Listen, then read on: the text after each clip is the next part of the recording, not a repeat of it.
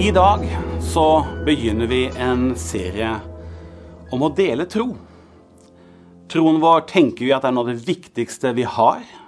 Og kanskje vi alle kan oppleve at den kan være vanskelig å dele. I dag vil vi få lov til å begynne denne serien, og vi setter fokus på det med å lete.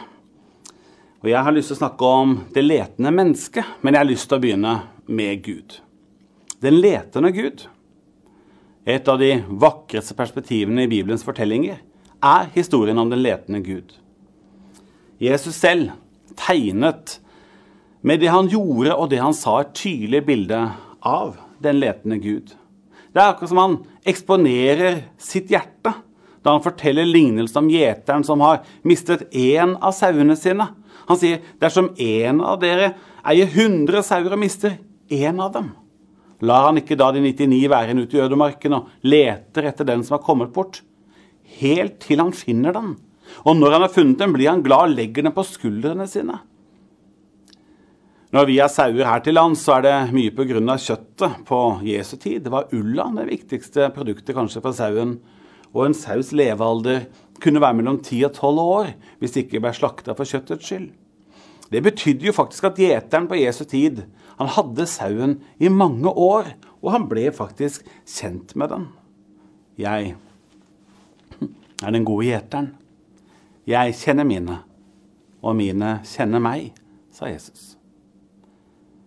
Gjeteren på Jesu tid utvikla personlig forhold til sauene, ga dem ofte navn.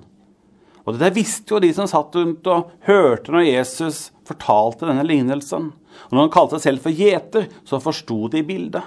Bibelens Gud er den letende Gud, og han er utrettelig ute, oppsøkende for å finne og vinne hver enkelt en av oss tilbake til sin gode og trygge kjærlighet. I Johans åpenbaring, den siste boka i Bibelen, så sier Gud om seg selv og mennesket, se, jeg står for døren og banker. Og noen hører min røst og åpner, så vil jeg gå inn til han og holde måltid. Ja, jeg med han og han med meg. En sentral sannhet om Gud, noe han forteller om seg selv, det er at han er en søkende, en letende Gud. Ikke søkende letende etter kunnskap han ikke har, eller ting han ikke vet hvor er. Nei, han er søkende etter å gjenvinne noe han har mistet. Noe han elsket én gang, og aldri har sluttet å elske. Selv om det han elsket av sin frie vilje forlot han. Aldri mistet han det av syne, aldri var han uvisset om hvor det befant seg. Nei, Gud kan i sannhet alt, og ingenting er umulig for han. Unntatt da, å tvinge de han elsker, til å elske ham. Det han mistet, det var jo deg, og det var meg. Det letende mennesket. Allerede rundt år 330 før Kristi fødsel så skal den greske handelsmannen og oppdageren Pytias angivelig ha satt kursen for ukjente steder langt opp mot nord. Han er den første vi kjenner til som har gitt skriftlig opptegnelse om midnattssol, om nordlyset og polarisen. Han kom til et land langt i nord som han kalte for Thule, etter gresk mytologi, et land som han antar var Norge.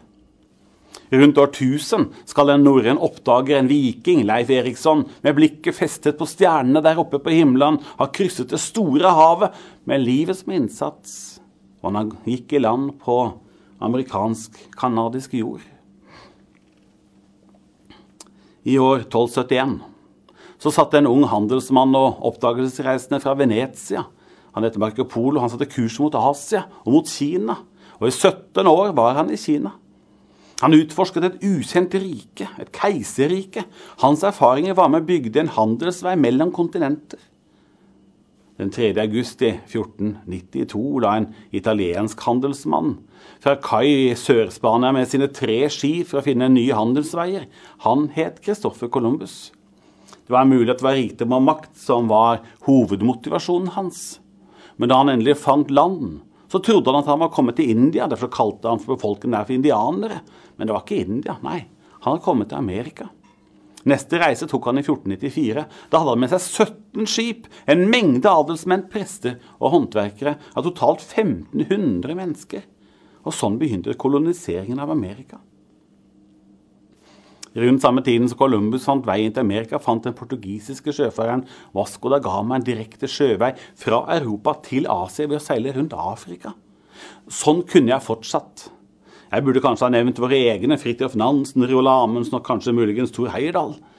Nei, mennesket har alltid hatt en ukuelig nysgjerrighet. Og et imponerende mot, som har gjort at det gjennom alle tider har funnet opp ting og oppdaget nye steder.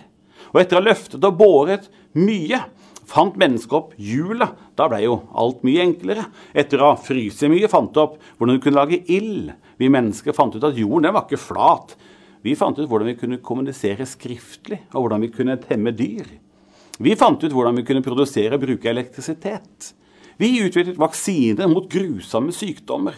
Og da vi hadde krysset alle våre havområder, da siktet vi oss inn mot månen. Og den 20. juli 69 satte mennesket foten på månen. Vi mennesker bruker all vår kunnskap og kreativitet for å utvikle måter. Så vi kan leve komfortabelt og trygt.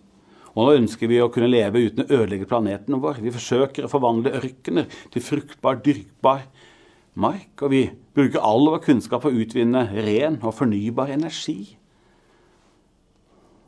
Hvor fantastisk er vel ikke dette her skapende og grensesprengende mennesket? Man kan undres om det ikke finnes grenser for hva dette mennesket kan utrette, og hvilke mål det kan nå. Det er akkurat som jeg hører en stemme som sier 'du ligner på meg'. Mennesker har aldri klart å slå seg til ro med den utsikten, den kunnskapen, den rikdommen, den makten, den erfaringen de har hatt.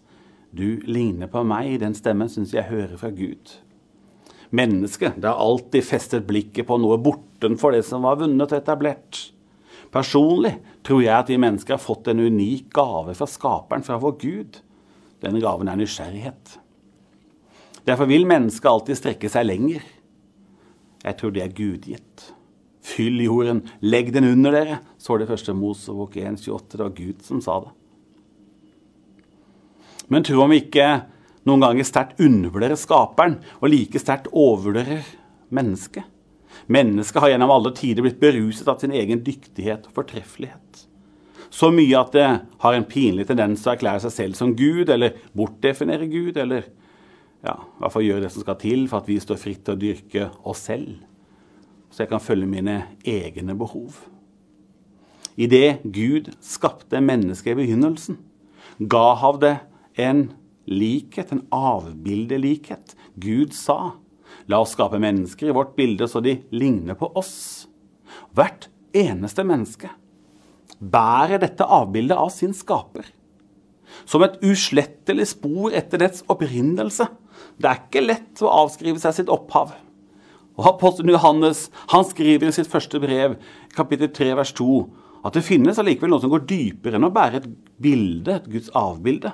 Han sier, 'Mine kjære, nå er vi Guds barn'.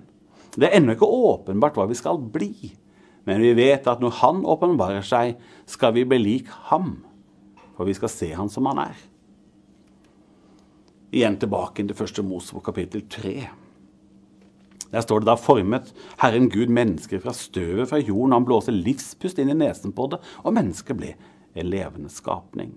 Det er akkurat som en parallell fra skapelsens morgen, da skaperen blåser livspust inn i en død kropp så den ble levende, til det øyeblikket da Jesus ser på sine kjære disipler etter at han hadde dødd på korset, gått ut av graven etter å ha overvunnet døden, så står det så åndet han på dem og sa ta imot Den hellige ånd. For det er kun når Den hellige ånd bor i et menneske, at det muliggjøres at det kan bli lik Gud tro om ikke det letende mennesket rett og slett følger den letende Guds eksempel fordi vi er litt lik han. Skaperen har overlevert kreativitet og skapervilje til sin skapning, til mennesket, som utrettelig leter etter nye veier, nye oppfinnelser og nye erobringer. Kjære venn, ta dette med deg inn i din hverdag, inn i ditt yrke og inn på de arenaene der du lever ut ditt liv. Er dette letende mennesket? Er dette nysgjerrige mennesket som Gud skapte deg til å være? Vær med å utvikle din arbeidsplass, ditt fellesskap, ditt eget liv. Og utvikle livene til menneskene rundt deg. Beveg deg, ta nye steg. Og la Gud hjelpe deg til å lete og finne det gode i din hverdag. Det letende mennesket, det utfolder seg. Det interessante og triste det er jo faktisk at gjennom historien har Kirken vekslet mellom å være selve kilden til kreativitet og nytenkning og nye oppdagelser, og til å være den sterkeste motstand av akkurat det samme. Når kloke hoder ytre tanker om at jorden er, den er ikke flat, og ikke var sentrum i universet, så var det Kirken som med hard hånd slo ned dette som blasfemi og gudsbespottelse. Mange ganger var Kirken initiativtakeren når det gjaldt å bryte nytt land, utfordres usunne regimer, sette kurs mot verdens ender for å dele evangeliet, bygge skoler og sykehus. Men andre ganger har Kirken sett innover, bygd tykke murer rundt seg selv. Men den letende Gud er definitivt ikke bundet av kirkevegger. Og det letende mennesket er heller ikke begrenset, ikke lukket inne av kirkevegger eller kirkestrukturer. Det letende mennesket, inspirert, utrustet, ledet av Gud, vil søke å gjøre denne verden til et bedre sted. Det vil bruke sin nysgjerrighet til å lete etter nye og bedre veier innen diakoni og omsorg, innenfor helse og menneskeverd, innen økonomi og solidaritet og rettferdighet innen teknisk utvikling som hjelper de sårbare og bygger et godt samfunn og ivaretar skaperverket. Det letende mennesket vil ikke slå seg til ro så lenge det finnes lidelse og urettferdighet. Så lenge det finnes uutforskede ideer og unådde områder. Hei, Gud skapte mennesket med nærmest grenseløs nysgjerrighet og utforskertrang. Skyggesiden av denne gudgitte evnen og trangen, det er egoisme og usunne motiv. Det letende mennesket det slavebandt med folkeslag. Det letende mennesket søkte makt, posisjon og rikdom. Det letende mennesket tenkte om seg selv at det var Gud. Det letende mennesket brukte denne gudgitte utforskertrangen til å sette seg selv og sine egoistiske behov i sentrum. Da vokste urettferdighet, klasseskille og rasisme vokste fram. Da tråkket man andre ned for å selv komme seg opp og fram. Da ble den guddommelige og gudgitte nysgjerrigheten en ødeleggende kraft. Det som var godt, ble vondt. Mennesker erobret, drepte og lenket andre mennesker. Noen tjente seg rike på andres lidelse og fattigdom. De sterke tenkte at de fortjente å regjere over andre. Det letende mennesket. Det utviklet en arroganse på bekostning av ydmykhet. Det trengte ikke å tro på noen gud når det trodde så sterkt på seg selv. I Lukas 12 fra vers 16 forteller Jesus om den eh, rike bonden. Han opplevde at alt rundt ham det blomstra. For å få plass til all sin rikdom så rev han ned de små låvene, og så bygde han større. Målet hans det var å kunne nyte liv og rikdommen på sin alderdom. Men natten etter at alt var ordna og satt på stell, så døde mannen i fortellingen til Jesus. Han fikk ingen glede av sin rikdom, og rikdommen var ja, Nå var egentlig ikke rikdommen egentlig problemet hans. Det var hjerteinnstillingen hans. Han var selvsentrert. Han så ikke lenger enn til seg selv, og hans glede lå i å samle til seg selv og ikke dele med andre. Og en annen utfordring var at han ikke så lenger enn denne verden. Vi som tror på Jesus, vi tror på denne verden. Men vi tror også på en verden som kommer, som allerede er, og som kommer. Guds rike. Det letende mennesket retter sitt blikk mot noe som går lengre enn å tilfredsstelle seg selv. Det letende mennesket har lyst til å ligne på Gud. Gud så at det var skyggesider i det letende mennesket. Så kommer Jesus, og det er akkurat som han vil kalibrere menneskeheten. Og kalibrere betyr å justere et instrument til et på forhånd definert utgangspunkt sånn at det skal gjengi riktige verdier. I Norge har vi et direktorat som innehar malen eller fasiten for hva som er én kilo, én meter osv. For hvis det var opp til oss alle å definere hva som var en kilo, eller hvis det var helt opp til oss alle å definere en meter, så ville det jo bli kaos. Gud selv er på mange måter det definerte utgangspunktet, altså malen for hva som er rett og godt. Og mye av Jesu undervisning den handlet om å hjelpe det letende mennesket til å bli kjent med Gud og bli lik Gud. Jesus snakket om nestekjærlighet, om giverglede. Han gikk rett inn og pekte på tilgivelse og forsoning. Han vet at det er vanskelig, men han vet det er nødvendig òg. Han snakket om tjenersinn og ikke å herske. Han snakket om omsorg og godhet. Han pekte på et felles og solidarisk vi istedenfor selvsentrert jeg. Jeg har så lyst til å oppmuntre deg til å følge din nysgjerrighet, oppdage nye ting og bryte et nytt land innenfor alle livets sider, men ikke uten at du er deg bevisst på hvilke motiver og verdier som driver deg. Jeg tenker at et Jesus-inspirert menneske vil begynne å lete etter det Jesus lette etter. Det var han som lærte oss å sette prioriteringen rett. Søk først Guds rike og hans rettferdighet, så skal dere få alt det andre i tillegg. Det var han som lærte oss å ikke alltid sette oss selv først, våre egne behov først. Nei, du skal elske det neste, men som deg selv. Det var han som lærte oss å se forbi et menneskes nederlag, feiltrinn. Se forbi sosial status og kulturelle nasjonale koder. Den letende Gud søkte etter det som lå bak eller under et menneskes historie og livsvalg. Han ga syndere nye sjanser. Han så verdien i de utstøtte og foraktede menneskene. Han lette etter gull og mulighetene i alle. For han foraktet ingen og støtte ingen bort. Det er vi mennesker som gjør det. Han elsket frem de gode tingene, akkurat sånn som det letende mennesket vil gjøre når vi ligner på Jesus. Vil ikke du også være en sånn? Og tro om ikke det er mange mennesker, din familie, omgangskrets og min, som trenger et letende menneske rundt seg. Kjære venn, vær bevisst på hva du leter etter. For den som leter, han finner, som det står. Men husk at den som leter etter negativt, kan også finne det. Det er skremmende lett å være feilsøkende, negativt fokusert eller destruktiv historieforteller. Nei, let heller etter de kvalitetene som ligger under det som, det som kan bygge opp, det som kan oppmuntre, gi tro og håp. Kjære venn, ikke slutt å lete.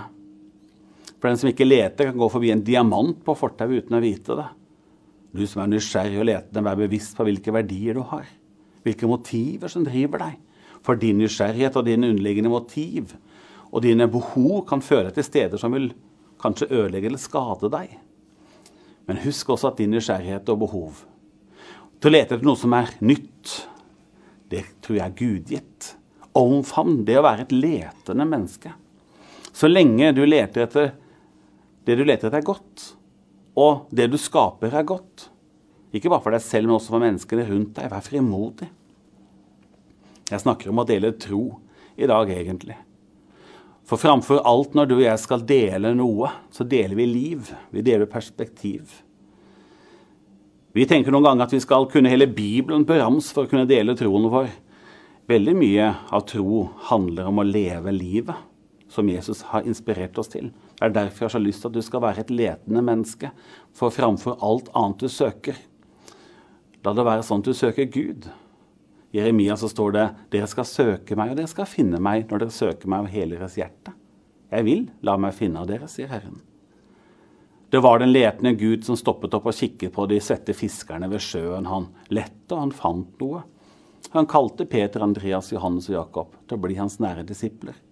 Det var den letende Gud som så apostelen og misjonæren i den fryktede Saul fra Tarsus, han som fikk navnet Paulus. Det var den letende Gud som så tolleren Sakkeus oppe blant bladene etter treet. Det var den letende Gud som så hjertet til kvinnen som var grepet på fersk gjerning i ekteskapsbrudd, og sa du, heller ikke jeg fordømmer deg, gå bort og synd ikke mer fra nå av. Hm. Det var den letende Gud som så søkende mennesker i folkehavene i India og Kina. Han sendte letende mennesker, som William Carey og Hudson Taylor, til disse enorme nasjonene. Og disse letende menneskene klarte å se forbi avgudsdyrkelse og nådeløse kulturelle tradisjoner og åpenbar skepsis. De brakte evangeliet til nye nasjoner og nye mennesker. Det var letende mennesker som moder Teresa og andre som gikk rett inn i menneskelig nød og desperasjon og ga mennesker verdi håp og en framtid. Du er en sånn. Tenk stort om deg. Det var letende mennesker som Lise og Ludvig Carlsen, som dro i gang Evangeliesenteret, Leif Holstad, som dro i gang Maritastiftelsen. De var selv mennesker som ble funnet av den letende Gud. Men så ble de letende mennesker som gikk ut i det som ingen andre så, og ofte ikke prioriterte. Letende mennesker setter kursen til kriserammede steder og lidende mennesker. De ser forbi ondskap og forfall, og de ser diamanter og gull. Letende mennesker oppdager den ensomme naboen og den sørgende kollegaen. Letende mennesker ser verdien i sinte og krevende mennesker. Letende mennesker tror der andre gir opp. Letende mennesker finner opp viktige verktøy som gjør vår verden et bedre sted for mange. Jesus så, helt utenfor sesongen, utover, og så sa han plutselig Se, høsten er moden. De andre stussa og sier det, her, det er jo ikke høst, hallo. Men han så det var mange mennesker som var klar for å få lov til å bli sett. Og få lov til å få oppleve at noen delte tro med dem. delte evangeliet. Når jeg skal snakke i dag om å dele tro, så har jeg mest lyst til å understreke hver et letende menneske som genuint bryr deg om folk, som gjør gode gjerninger, er opptatt av å finne det gode oppmuntre det gode. Gud velsigne deg til å være et letende menneske som oppdager og elsker fram det gode der du er plassert. På den måten er du også med og deler tro gjennom ord, men også gjennom handling. Gud velsigne deg.